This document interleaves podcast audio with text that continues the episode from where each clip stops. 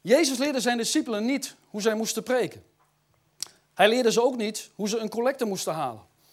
Hij leerde ze ook niet hoe ze een website moesten bouwen. Maar hij leerde ze wel hoe ze moesten bidden. In het Nieuwe Testament gaan 500 versen over gebed. En dat is niet voor niets. We kunnen niet zonder gebed, want gebed is de enige manier om met God te communiceren. En het is de enige manier om het bovennatuurlijke van God te ontvangen. Je kunt niet zeggen, Heer, ik hou van u en nooit met hem praten. Want bidden is praten met God. Niet alleen vragen aan God. Het is een samen zijn met onze Vader. Het is genieten van elkaar. Het is zijn in zijn tegenwoordigheid. Intimiteit met God. Een relatie die gebaseerd is op liefde. Gebed is niet God als een soort Sinterklaas en al je behoeften laten voorzien. sommige mensen bidden alleen als ze iets van God nodig hebben. Of als ze in de problemen zitten of ziek zijn. Maar bidden is niet om God jouw wil te laten doen. Bidden is een voorbereiding zodat wij Gods wil gaan doen. En ik wil graag met u lezen Matthäus 6 en dan vanaf vers 5. Matthäus 6.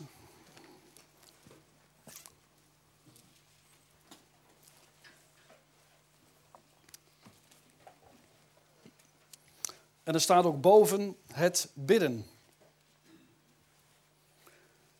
Matthäus 6, vers 5 tot en met 13. Daar staat, en wanneer gij bidt, zult gij niet zijn als de huigelaars. Want zij staan gaande in de synagogen en op de hoeken der pleinen te bidden, om zich aan de mensen te vertonen. Voorwaar, ik zeg u, zij hebben hun loon reeds. Maar gij, wanneer gij bidt, ga in uw binnenkamer, sluit uw deur en bid tot uw vader in het verborgene. En uw vader die in het verborgene ziet, zal het u vergelden. En gebruik bij uw bidden geen omhaal van woorden, zoals de heidenen. Want zij menen door een veelheid van woorden verhoord te zullen worden. Wordt er dan niet gelijk, want God uw Vader weet wat gij van nodig hebt, eer gij hem bidt. Bid gij, de, bid gij dan al dus, en laten we dat samen hardop bidden. Onze Vader die in de hemelen zijt, uw naam worden geheiligd, uw koninkrijk komen, uw wil geschieden, gelijk in de hemel als ook op de aarde. Geef ons heden ons dagelijks brood en vergeef ons onze schulden, gelijk wij vergeven onze schuldenaren. En leid ons niet in verzoeking, maar verlos ons van de boze. Want uw is het koninkrijk en de kracht en de heerlijkheid in de eeuwigheid. Amen. Nou, als we kijken hoe Jezus zijn discipelen in dit gedeelte leerde hoe zij moesten bidden, dan zien we het volgende. Punt 1 lezen we in dit gedeelte wanneer gij bidt. Er staat niet als gij bidt, nee, er staat wanneer gij bidt. Jezus verwacht van ons, hij gaat ervan uit dat wij bidden. Punt 2, leert Jezus ons niet te pronken. Er zijn altijd mensen met een beter gebedsleven dan u. En dat geldt uiteraard ook voor mezelf. Jezus zegt, wees niet als de huigelaars. Die staan te bidden op de pleinen en in de kerk om gezien te worden door andere mensen. Zij hebben hun loon reeds. Nou, wat is dit loon? Wel, dat is eer van andere mensen. Maar dat is ook het enige wat ze zullen ontvangen. Eer van andere mensen. Ook kijk, die eens, die bidt wel twee uur per dag. Wel, ik ben er helemaal niet van onder de indruk. Iemand die tien minuten per dag bidt, kan krachtiger en effectiever bidden dan iemand die twee uur per dag bidt. De kracht van gebed zit niet in het aantal woorden wat we spreken. Daarom zegt Jezus ook in dit gedeelte dat we geen omhaal van woorden moeten gebruiken. Toen Petrus over het water liep en door angst werd overvallen, sprak hij een gebed van drie woorden. Heere, red mij! En terstond was Jezus daar, die hem de hand pakte en hem redde. Nou wist u trouwens dat Petrus twee keer over het water heeft gelopen? Hij liep over het water, werd bevreesd. Hij zakte in het water. Hij riep, Heere, red mij. Jezus was terstond daar, reikte hem de hand, trok, uit het water, trok hem uit het water. En vervolgens liepen ze samen weer terug over het water naar de boot toe. Hij heeft twee keer over het water gelopen. Nou, dan punt drie. Bid alleen tot God. Met je partner bidden of met kringen, et cetera, kom ik straks nog op terug. Heel goed om te doen, moet je ook zeker doen. Maar in je stille intimiteit met God bid je alleen. Matthäus 14, 23 zegt, en toen hij, Jezus, de scharen weggezonden had, ging hij de berg op om in eenzaamheid te bidden. Hij bad alleen. Had een persoonlijke relatie met de Vader. En zijn dingen die wij alleen met God bespreken. Dingen die niemand anders iets aangaan. Dingen tussen u en God. Nou, dan punt 4. Aanbid God. God aanbidden is niet alleen voor de zondagochtend. Nee, zeg hem hoe geweldig hij is. Zeg hem hoeveel u van hem houdt. Onze Vader die in de hemelen zijt, uw naam worden geheiligd. U bent de Almachtige, u bent de Koning der Koningen. Vader, ik hou van u, Etcetera. God houdt ervan om aanbeden te worden. En hij alleen is alle aanbidding waard. Dan punt 5. Bid altijd naar de wil van God. Jezus zegt, uw naam worden geheiligd, uw koninkrijk komen, uw wil geschieden. 1 Johannes 5, vers 14 zegt, en dit is de vrijmoedigheid die we tegenover hem hebben, dat hij, indien wij iets bidden naar zijn wil, ons verhoort. Bidden naar de wil van God is iets voor iets bidden dat in overeenstemming is met Gods woord. Bidden voor een man of vrouw die al getrouwd is, heeft geen enkele zin. Bidden of de Heer je wil laten slagen voor je examen zonder dat je studeert, heeft geen enkele zin. God wil dat wij ons ontwikkelen door te studeren. De Bijbel leert dat in Joshua 1, vers 8. Overpijnst de Bijbel, dag en nacht. Met andere woorden, wees dagelijks met het woord bezig. Leer ervan, neem het tot je. En breng in de praktijk wat je geleerd hebt. Handelt nauwgezet overeenkomstig hetgeen erin geschreven staat. Dus doe exact wat je geleerd hebt en wat het woord van God zegt. Want dan, en alleen maar dan, zul je op je wegen je doel bereiken en zul je voorspoedig zijn. Gods zegen is altijd gekoppeld aan onze acties. Mensen zeggen vaak, vanavond zei nog iemand er tegen mij, ik wens je Gods zegen. En dat is geweldig. Maar veel mensen weten niet eens wat het betekent. Gods zegen betekent letterlijk dat God je de mogelijkheid geeft om voorspoedig te zijn. Dat is Gods zegen. Nou, alle vogels buiten zijn gezegend door God. God heeft in alles voorzien. Maar ze moeten wel zelf fladderen om het wormpje te halen. Of om het stukje brood te halen. Of om een takje te halen, om een nestje te bouwen. We kunnen aan God vragen of Hij ervoor wil zorgen dat we de staatsloterij winnen. Maar dat gaat niet gebeuren. En ik heb een filmpje meegenomen. Om even te kijken hoe belachelijk zo'n gebed eruit ziet. Laten we er even samen naar gaan kijken.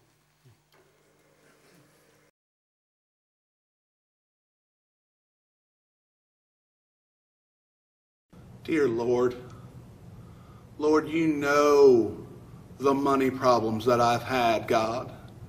Lord, I pray that you would just guide my fingers, God, as I take my lucky coin, this lucky coin that you've given me, God, and I scratch off the right places on this lottery ticket, God. Lord, you know what I'll do with the money, God. I'll feed the poor. I'll, I'll, I'll, I'll, I'll go anywhere you want me to go, God. Lord, I'll even tithe my lottery winnings, God, but I need to win this money, Lord. You know all of the good work that I would do, God. Lord, I pray, Lord, I, would, I wouldn't even buy that big of a car, Lord, if I could help other people, Lord. Lord, I pray that you would help me win this money, God, because you know all of the good stuff that I'll do with it, Lord. Please, please help me get this, help, help, help me win the lottery, Lord. In Jesus' name, amen.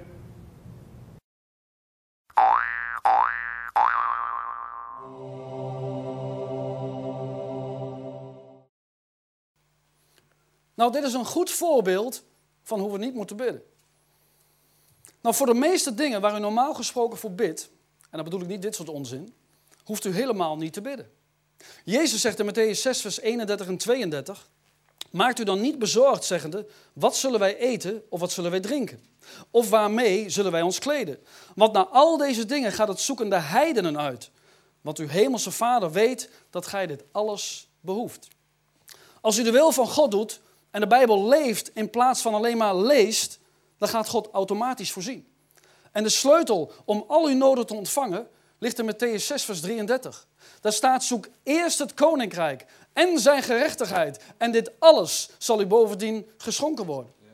Zoek eerst het koninkrijk. Zoek eerst Gods manier van doen. Kijk, het koninkrijk der hemelen is een plaats. Maar het koninkrijk van God is een methode. Het is Gods manier van doen. En dat moeten we als eerste zoeken. En zoek zijn gerechtigheid. Doe de dingen zoals God die ook zou doen. God zegt ook, wees heilig, want ik ben heilig. Ja, maar hen kunnen we dan heilig zijn? Wel, de Bijbel zegt van wel. Als God zegt, wees heilig, is dat een opdracht.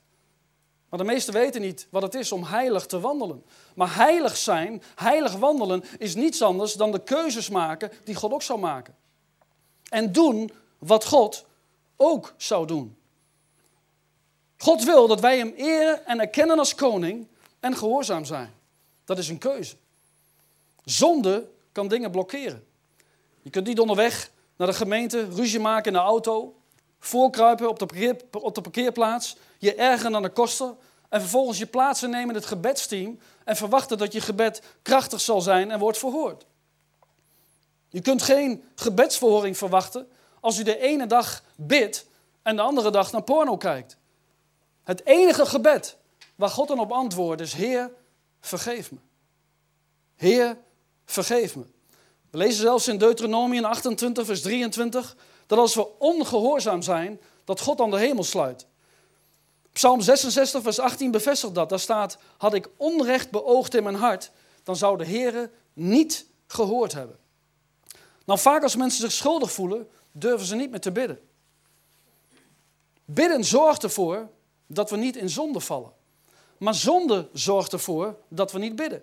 En dat is precies wat de duivel wil. Want bidden geeft ons kracht. Het verbindt ons met God. Het geeft ons rust en vrede. En bovendien is er niets bemoedigender dan een gebedsverhoring. Amen? Want daardoor ga je groeien in geloof. En als je gaat groeien in geloof, ben je gevaarlijk voor de duivel. Je wordt dan een effectief christen wat vrucht voortbrengt. En daartoe zijn we allemaal geroepen om vrucht voor te brengen. Nou, onbeleden zonde veroorzaakt veroordeling, afkeuring en verwerping. En momenteel gaat ook in Nederland een leer rond dat we onze zonde niet meer hoeven te beleiden. Nou, persoonlijk vind ik dat heel erg gevaarlijk. Luister eens wat er staat in 1 Johannes 3, vers 21 en 22. Daar staat, geliefden, als ons hart ons niet veroordeelt, hebben wij vrijmoedigheid tegenover God en ontvangen wij van Hem al wat wij bidden, daar we zijn geboden bewaren en doen wat welgevallig is voor zijn aangezicht. Nou, het is heel belangrijk dat u dit vers begrijpt. Als je een schoon geweten hebt, kun je namelijk zonder angst naar God toe gaan en erop vertrouwen dat Hij naar je luistert en je gebed verhoort. Als mijn geweten me aanklaagt omdat ik zonde in mijn leven heb en die ook nog eens niet beleden heb, dan zal ik niet het vertrouwen hebben dat God mij hoort, laat staan dat hij mij verhoort. Nou, hier hebben meer gelovigen last van dan u denkt. Maar dat is iets wat u zelf moet oplossen. Dat kan niemand voor u doen. Breek met de zonde. Maak korte metten met de verleidingen van Satan. Wees heilig, want ik ben heilig, zegt God. Nou, dan laatste punt van dit gedeelte, punt 6. Bid specifiek. Bid specifiek. Wie? Onze Vader. Wanneer? Geef ons heden, nu, vandaag. Geef ons wat? Ons dagelijks brood. Dat is wat Jezus leert. Bid dus specifiek en niet, vraag, en niet vaag. Je mag God alles vragen. Als mijn dochter Deborah bij me komt en me om een spelletje vraagt, wel, wat moet ik dan geven? Er zijn honderden spellen. Maar als hij een bepaald spel of een pop of wat dan ook specifiek bij naam noemt van die wil ik graag, dan krijgt ze die van mij. Matthäus 7 vers 11 zegt, indien dan gij, hoewel gij slecht zijt, goede gaven weet te geven aan uw kinderen, hoeveel te meer zal uw Vader in de hemelen het goede geven aan hen die hem daarom bidden. God is een goede God. En hij wil ons geven wat we aan hem vragen. Maar de vraag is, wat geven wij hem? Nou, naast ons persoonlijk gebed, wat Jezus ons in dit gedeelte geleerd heeft, is het ook belangrijk dat we als gemeente samen met elkaar bidden. Een gemeente zonder gebed is geen gemeente. Dat is een religieuze organisatie. Gebed is de motor van iedere gemeente. Dan heb ik het niet alleen over het gebed van de gemeenteleider of van de oudste. Nee, het gezamenlijk gebed van alle gemeenteleden. We moeten met elkaar de schouders eronder zetten. We moeten met elkaar voor elkaar op de bres gaan staan. Heel erg belangrijk. Ik wil u ook aanmoedigen om de bidstond te bezoeken. Als, er, als de bidstond net zo druk zou zijn als de zondagochtenddienst, dan gaat u iets meemaken. Ik geloof dat God dan de hemel gaat openen en zegen en overvloed over de gemeente zal uitstorten. Een gebed van twee mensen in eenheid kan meer doen dan een gebed van 200 mensen in oneenigheid. In Matthäus 18, vers 19 zegt Jezus: Dit moet u vooral weten. Hij zegt niet, dit moet u weten. Hij zegt, nee, dit moet u vooral weten. Heel erg belangrijk dus. Hij zegt, als twee van u het met elkaar eens zijn over iets, vraag het mijn vader en hij zal het voor u doen. Wel, wat een geweldige belofte. Stel je eens voor dat we dit woord in geloof zouden ontvangen. Wel, u zou alleen nog maar op zoek zijn naar andere christenen die het met u eens zijn. hey, ben jij het met me eens dat ik, dat ik een financiële doorbraak nodig heb? Dat ik uit de schuld moet komen? Halleluja, ik ben het met je eens. Laten we samen bidden.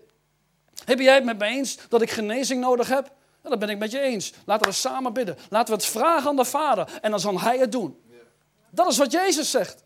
Halleluja. Jacobus 5, vers 15 zegt: Als zij, de gemeente, in geloof bidden, zal de zieke genezen worden. De Heere zal hem gezond maken. Dat zijn niet mijn woorden, dat zegt de Bijbel. Onze gebeden zijn een onderdeel van Gods genezingsproces. Het gezamenlijk gebed kan dus van levensbelang zijn. Als we samenkomen in eenheid, dan neemt de kracht van God onder ons toe. Deze wordt hierdoor vrijgezet. De Bijbel leert ons in Deuteronomium 32, vers 30 dat één iemand duizend mensen kan verjagen, maar dat twee mensen tienduizend mensen kunnen verjagen. Dat is tien keer zoveel. En dat is ook de reden waarom Satan zoveel moeite doet om verdeeldheid te veroorzaken. Hij wil dat we ruzie met elkaar maken. Want hij weet wat er kan gebeuren als wij het met elkaar eens zijn. Want hij kent het woord van God. Hij weet wat Jezus gezegd heeft. Als twee van u het met elkaar eens zijn over iets, vraag het mijn vader en hij zal het voor u doen. Nou, in het Nieuwe Testament, in Handelingen 1, vers 14, daar lezen we over de discipelen. Die samen met Maria en enige vrouwen, samen met de broers van Jezus, in een bovenzaal tien dagen eenparig met elkaar baden.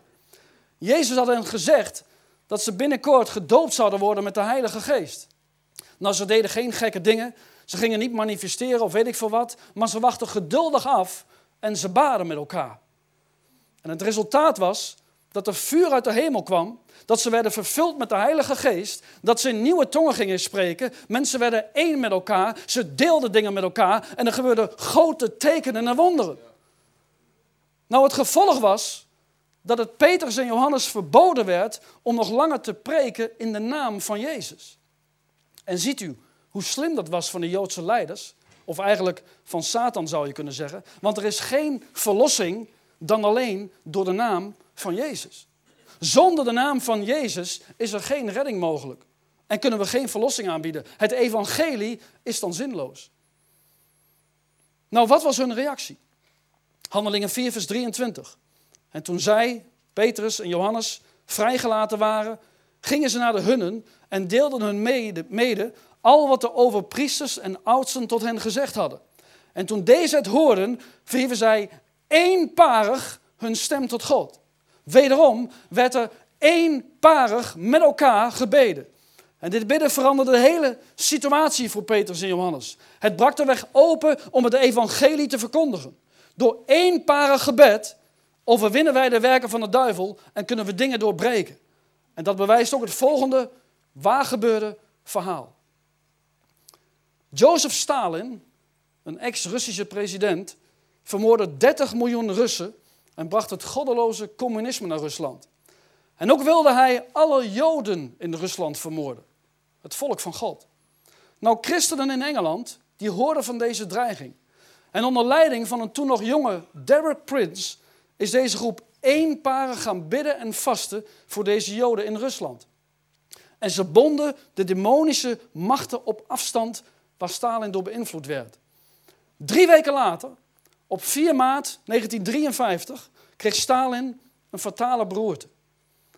16 chirurgen werkten acht uur lang en probeerden hem op alle mogelijke manieren te redden, maar tevergeefs. En Stalin stierf een dag later, op 5 maart 1953. En Joseph Stalin stapte de eeuwigheid binnen om straks Jezus te ontmoeten. Een Jood uit Bethlehem die Jozef Stalin het laatste oordeel zal brengen. De Bijbel zegt heel terecht, want elke knie zal buigen voor koning Jezus. En ook de knieën van Jozef Stalin. En hier zien we de kracht van gebed. Hier zien we de kracht van voorbeden. Voorbeden. En daar wil ik iets dieper op ingaan. Voorbeden is eenvoudig gezegd bidden voor een ander in plaats van voor jezelf. Het is de noden van andere mensen bij God brengen. Er kunnen omstandigheden zijn die zo moeilijk zijn, met zoveel pijn en zoveel verdriet en zoveel verwarring, dat men hierdoor niet meer weet wat men moet bidden. Soms zijn mensen moe gestreden. Als wij zo iemand kennen, dan is het belangrijk dat wij voor ze bidden. Door voorbeden krijgen we tegen de mogelijkheid om deel te nemen aan Jezus' bediening. Op een hele bijzondere wijze. Als wij bidden voor anderen, hebben we gemeenschap met Jezus in zijn functie als hoge priester. Want Jezus bemiddelde zelf onophoudelijk voor het volk en hun behoeften. En dat is wat wij ook mogen doen. Nou, denk er eens aan als u in een situatie zou zitten waarin u niet meer zou kunnen bidden. Zou u het dan niet geweldig vinden als u wist dat andere mensen voor u baden? Halleluja. Stel dat u nog niet behouden zou zijn. Zou u het dan niet geweldig vinden, nu u weet wat u weet, als er iemand zou bidden voor uw bekering? Hoeveel zou u dat waard zijn? Overal hebben mensen gebed nodig. Onze familie heeft gebed nodig. Onze vrienden hebben gebed nodig. Onze buren hebben gebed nodig. Onze collega's hebben gebed nodig. Mensen in de gemeente hebben gebed nodig. Voorgangers hebben gebed nodig. En ook onze regering heeft gebed nodig. Hebben allemaal misschien wel eens wat te klagen over de regering. Maar dankzij de regering in Nederland is het mogelijk om nog steeds vrij het evangelie van Jezus Christus te verkondigen.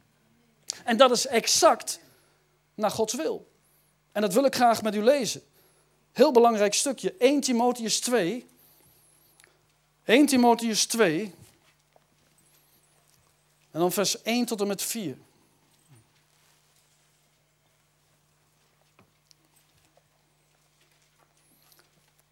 1 Timotheus 2, vers 1 tot en met 4. Daar staat, ik vermaan u dan allereerst smekingen, gebeden, voorbeden en dankzeggingen te doen voor alle mensen, voor koningen en alle hooggeplaatsten. Dat is de regering. Opdat wij een stil en rustig leven mogen leiden in alle godsvrucht en waardigheid dit is goed en aangenaam voor God onze heiland, die wil dat alle mensen behouden worden en tot erkentenis van de waarheid komen. Nou, om tot erkentenis van de waarheid te komen, zullen wij het woord van God moeten horen. Want geloof komt door het horen van het woord van God. En hier zien we hoe belangrijk het is dat we voor onze regering blijven bidden. Zodat het evangelie van Jezus Christus, het beste wat er is, vrij verkondigd mag blijven worden hier in Nederland. Nou, op onze website hebben wij een gebedcentrum. En mensen uit heel Nederland en België en wereldwijd, als ze Nederlands spreken, dan kunnen ze een gebed invoeren. Wij controleren dat dan en dan zetten we dat in dat gebedcentrum.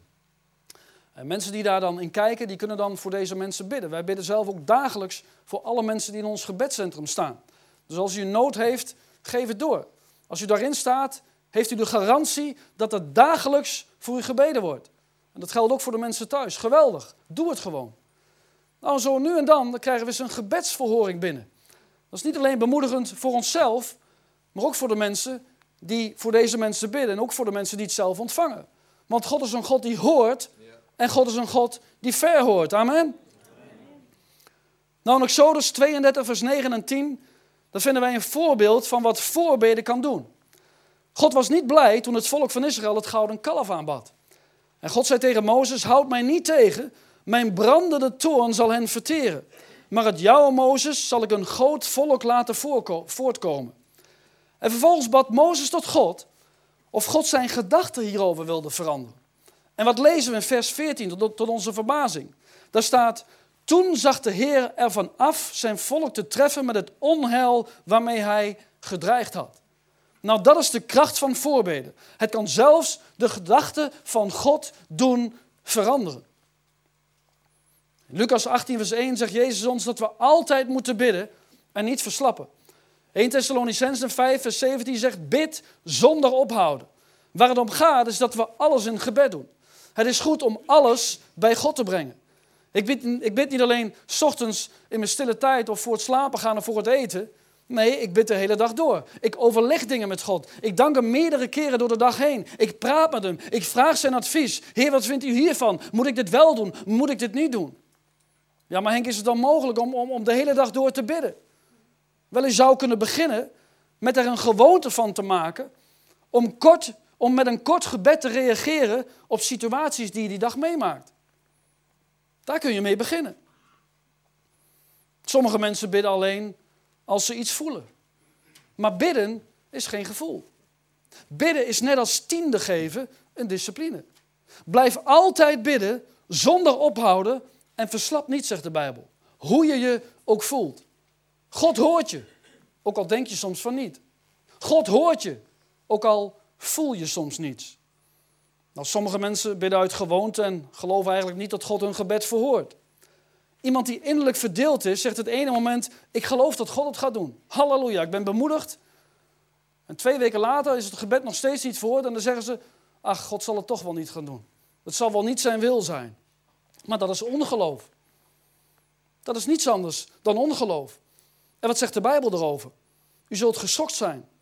In Jacobus 1, vers 6 tot en met 8 lezen we: Maar hij moet bidden in geloof, in geen enkel opzicht twijfelende, want wie twijfelt, lijkt op een golf der zee die door de wind aangedreven en opgejaagd wordt. Innerlijk verdeeld als hij is, ongestadig, dat is onzeker, onstabiel op al zijn wegen. Let op, want zulke mens moet niet menen dat hij iets van de Here ontvangt. Hoort u dat? Nou, ik weet niet waarom de een wel geneest en de ander niet. Ik weet niet waarom het ene gebed direct verhoord wordt en het andere pas na anderhalf jaar. Maar wat ik wel weet, is dat we niet moeten twijfelen, maar soms moeten wachten. Wat doen we als het antwoord van God niet komt? Als het antwoord van God vertraagd wordt? We bidden, maar er komt geen reactie. Want het kan verschillende oorzaken hebben. Punt 1, timing. Timing. Is dit wel het juiste moment om deze gebedsverhoring te ontvangen? Toen ik een droom kreeg van de Heer, waar ik mezelf op televisie zag spreken, duurde het nog zes jaar voordat het zover was. Ik had na drie maanden kunnen denken, wel God, misschien kunt u een beetje opschieten, ik heb die droom gehad, maar, maar ik was er schijnbaar nog lang niet aan toe. Er moesten nog allerlei voorbereidingen getroffen worden voordat het zover was, zes jaar later. We moeten rekening houden dat als wij voor iets bidden, God verhoort, maar op zijn tijd. Halleluja. En dat is maar goed ook. Want hij weet wat het beste voor ons is. En soms is het beste nee. Nee is ook een gebedsverhoring. Maar vaak blijkt dat dan pas achteraf. Nou, het is soms ook beter dat God even niets van zich laat horen, want anders zou er namelijk chaos ontstaan. En ik zal je een voorbeeld van geven. Stel u heeft een broer of zus die Jezus nog niet kent. En natuurlijk bidt u daar zelf ook voor. En, en uh, u spreekt met deze personen, maar vaak van familie willen ze het niet aannemen. Dus u bidt de Heer al jaren of hij een boodschapper op een pad wil sturen die ze niet kennen en die ze vertelt van Jezus. En vervolgens gebeurt er niets. Tenminste, dat lijkt zo. Wat wij niet weten, is dat God achter de schermen al lang met de voorbereiding bezig is. Stel dat God ons op de hoogte zou houden van deze ontwikkelingen. En dat hij bijvoorbeeld zou zeggen: Wel, op 3 juni 2014 komt je broer in aanraking met Dennis van Vliet.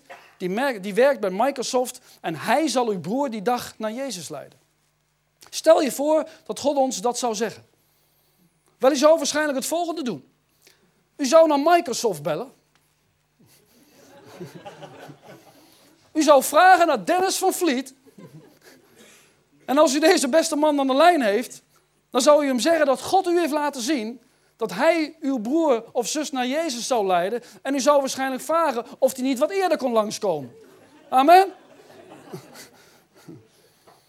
Maar deze beste man, die breekt, verbreekt vervolgens onmiddellijk de verbinding, want die denkt, wat is dat voor gestoorde?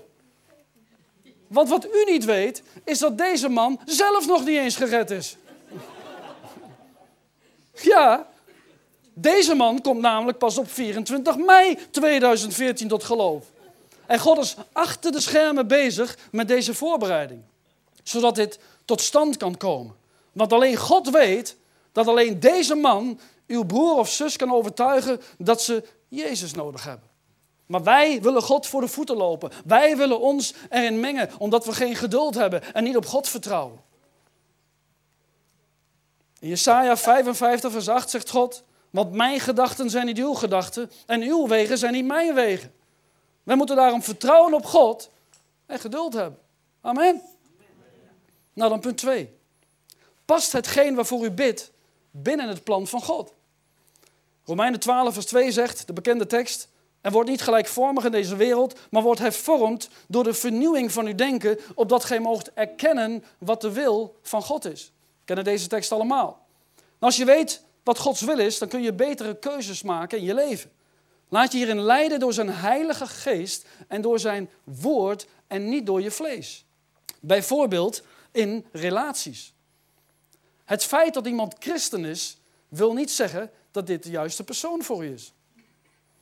Als dat zo zou zijn, dan zou er geen vrijgezelle christen meer zijn op deze hele aarde. Hoe vaak gebeurt het niet? Dat jonge mensen te snel trouwen omdat ze seks willen met elkaar. Maar dat is niet de wil van God. Seks mag nooit een reden zijn om te trouwen. Als je uit lust met elkaar trouwt en de lust gaat over, heb je niets wat het huwelijk bij elkaar houdt. En dat is een van de grote redenen waarom er zoveel scheidingen zijn wereldwijd. Ja, maar Henk, de Bijbel zegt dat het beter is te trouwen dan te branden van begeerte. Dat klopt. Dat staat er letterlijk. Maar we moeten deze tekst niet uit zijn verband drukken. Ik zal u uitleggen wat er werkelijk bedoeld wordt met, dit, met deze Bijbeltekst. Veel gelovigen in de gemeente van Korinthe dachten dat seksualiteit iets verkeerd was. En daarom besloten verloofde stellen niet te trouwen. En Paulus leerde hen dat ze een normale seksuele aandrang niet moesten verlogenen door een huwelijk af te blazen. Voor deze mensen was het beter te trouwen dan te branden van begeerte. De boodschap is niet dat als je seks wil, je maar moet gaan trouwen. De boodschap is dat je beter kunt leren omgaan met een seksueel verlangen dan met een ongelukkig huwelijk. En dat is heel iets anders. Trouwen met iemand die je zes maanden kent, is vragen om moeilijkheden. Uitzonderingen nagelaten. Een ongelukkig huwelijk, wat is ontstaan door lust, is niet de wil van God. En is ook niet de schuld van God. Vergeet dat nooit. Nou, dan punt drie. Soms wordt een antwoord vertraagd door geestelijke strijd. In Daniel 10 lezen we het bekende gedeelte dat Daniel 21 dagen bad en vastte en geen antwoord ontving, omdat de engelen van God werden gehinderd door twee sterke demonische engelen uit het koninkrijk van Satan. Bijbel spreekt over de vorst der Perzen en de vorst van Griekenland, twee machtige geestelijke wezens. En God stuurde Michael, die worstelde met deze duistere machten, zodat de andere engel Gabriel het antwoord, de gebedsverhoring, na drie weken aan Daniel kon overbrengen. Nou, de Bijbel zegt dat het gebed van Daniel de eerste dag al gehoord werd.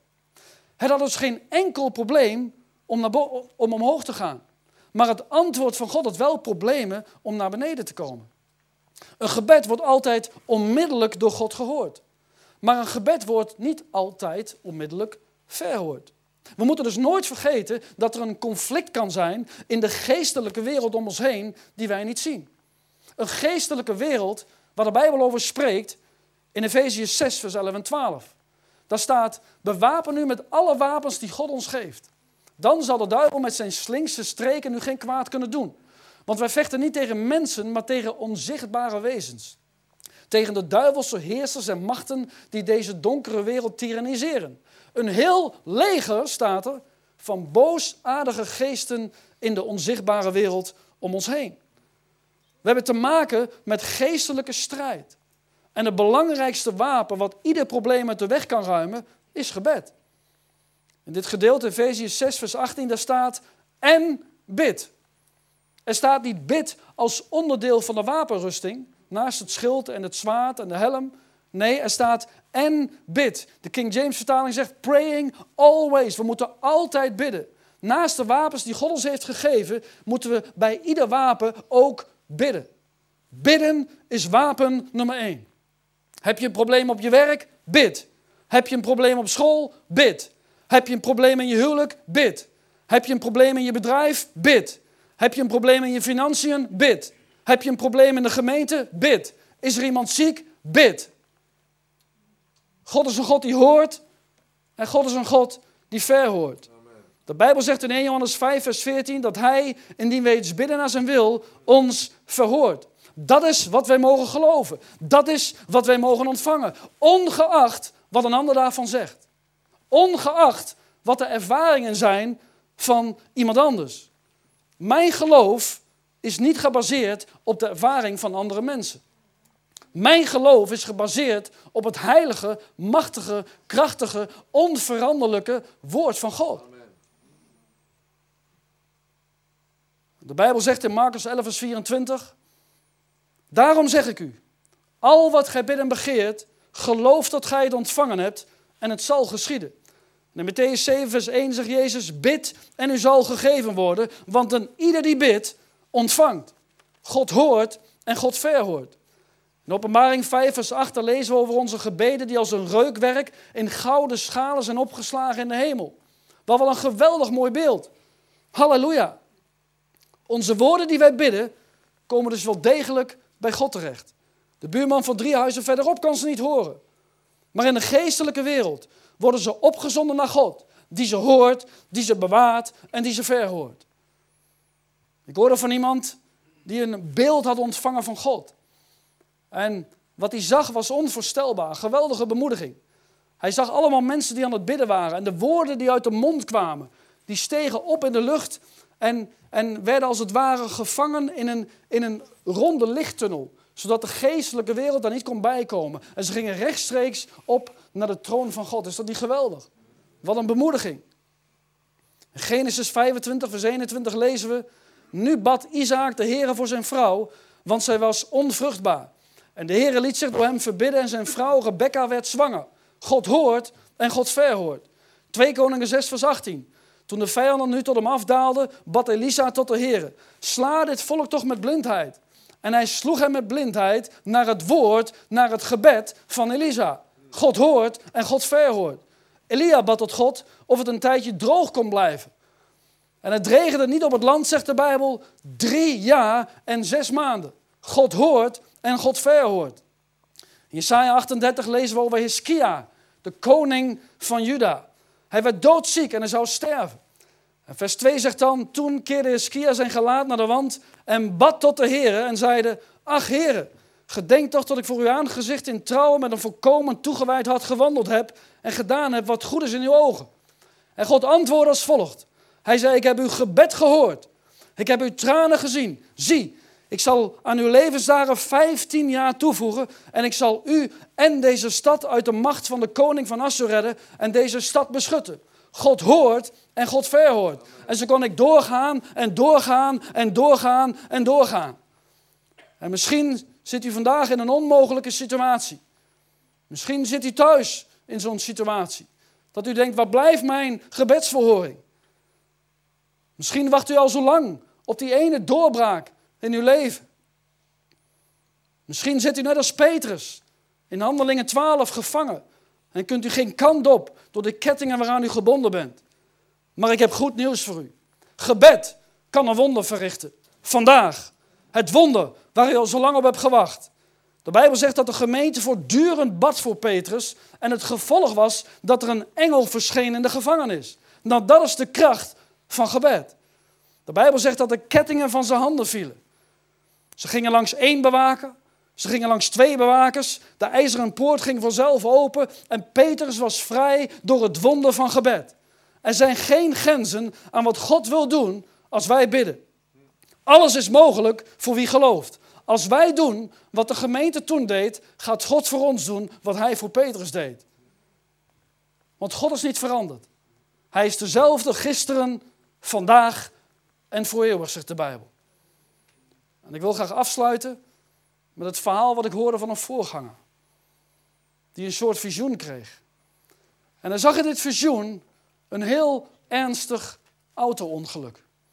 En door de genade van God kon hij dit ongeluk van dichtbij zien. En kon hij in de auto kijken om welke persoon het ging. En het ging om een van zijn beste vrienden. En daar schrok hij enorm van. En hij was helemaal onrustig. Hij zegt, Heer, waarom hebt u mij dat laten zien? En hij ervaarde in zijn geest dat hij moest gaan bidden.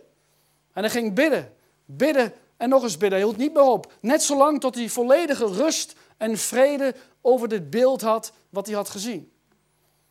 En de volgende dag, toen sprak hij deze vriend. En die vriend zei, het is ongelooflijk, ik heb nu wat meegemaakt, dat moet ik met je delen. En hij zegt, vertel maar. Hij zegt, ik was gisteren op de snelweg. En ik reed daar met mijn auto. Hij zegt, en ineens kreeg ik in mijn geest. Ik weet niet waarom, ik kan het niet uitleggen, maar dat ik de snelweg af moest. Hij zegt, en dat heb ik gedaan. Hij zegt, ik ben bij een benzinepomp gestopt. En ik heb daar even gestaan, maar er gebeurde verder niks. En ik dacht, ja, waarom sta ik hier eigenlijk? Hij zegt, ik ben ook weer gewoon doorgereden. Hij zegt, na een minuut op de snelweg. Hij zegt, was er een heel ernstig ongeluk gebeurd. Hij zegt, en de auto die bij dit ongeluk betrokken was, was de auto die al de hele tijd achter mij reed. Hij zegt, als ik niet van de snelweg was afgegaan, dan had ik hier waarschijnlijk niet meer gestaan. God is een God die hoort en God is een God die verhoort. Amen. Amen.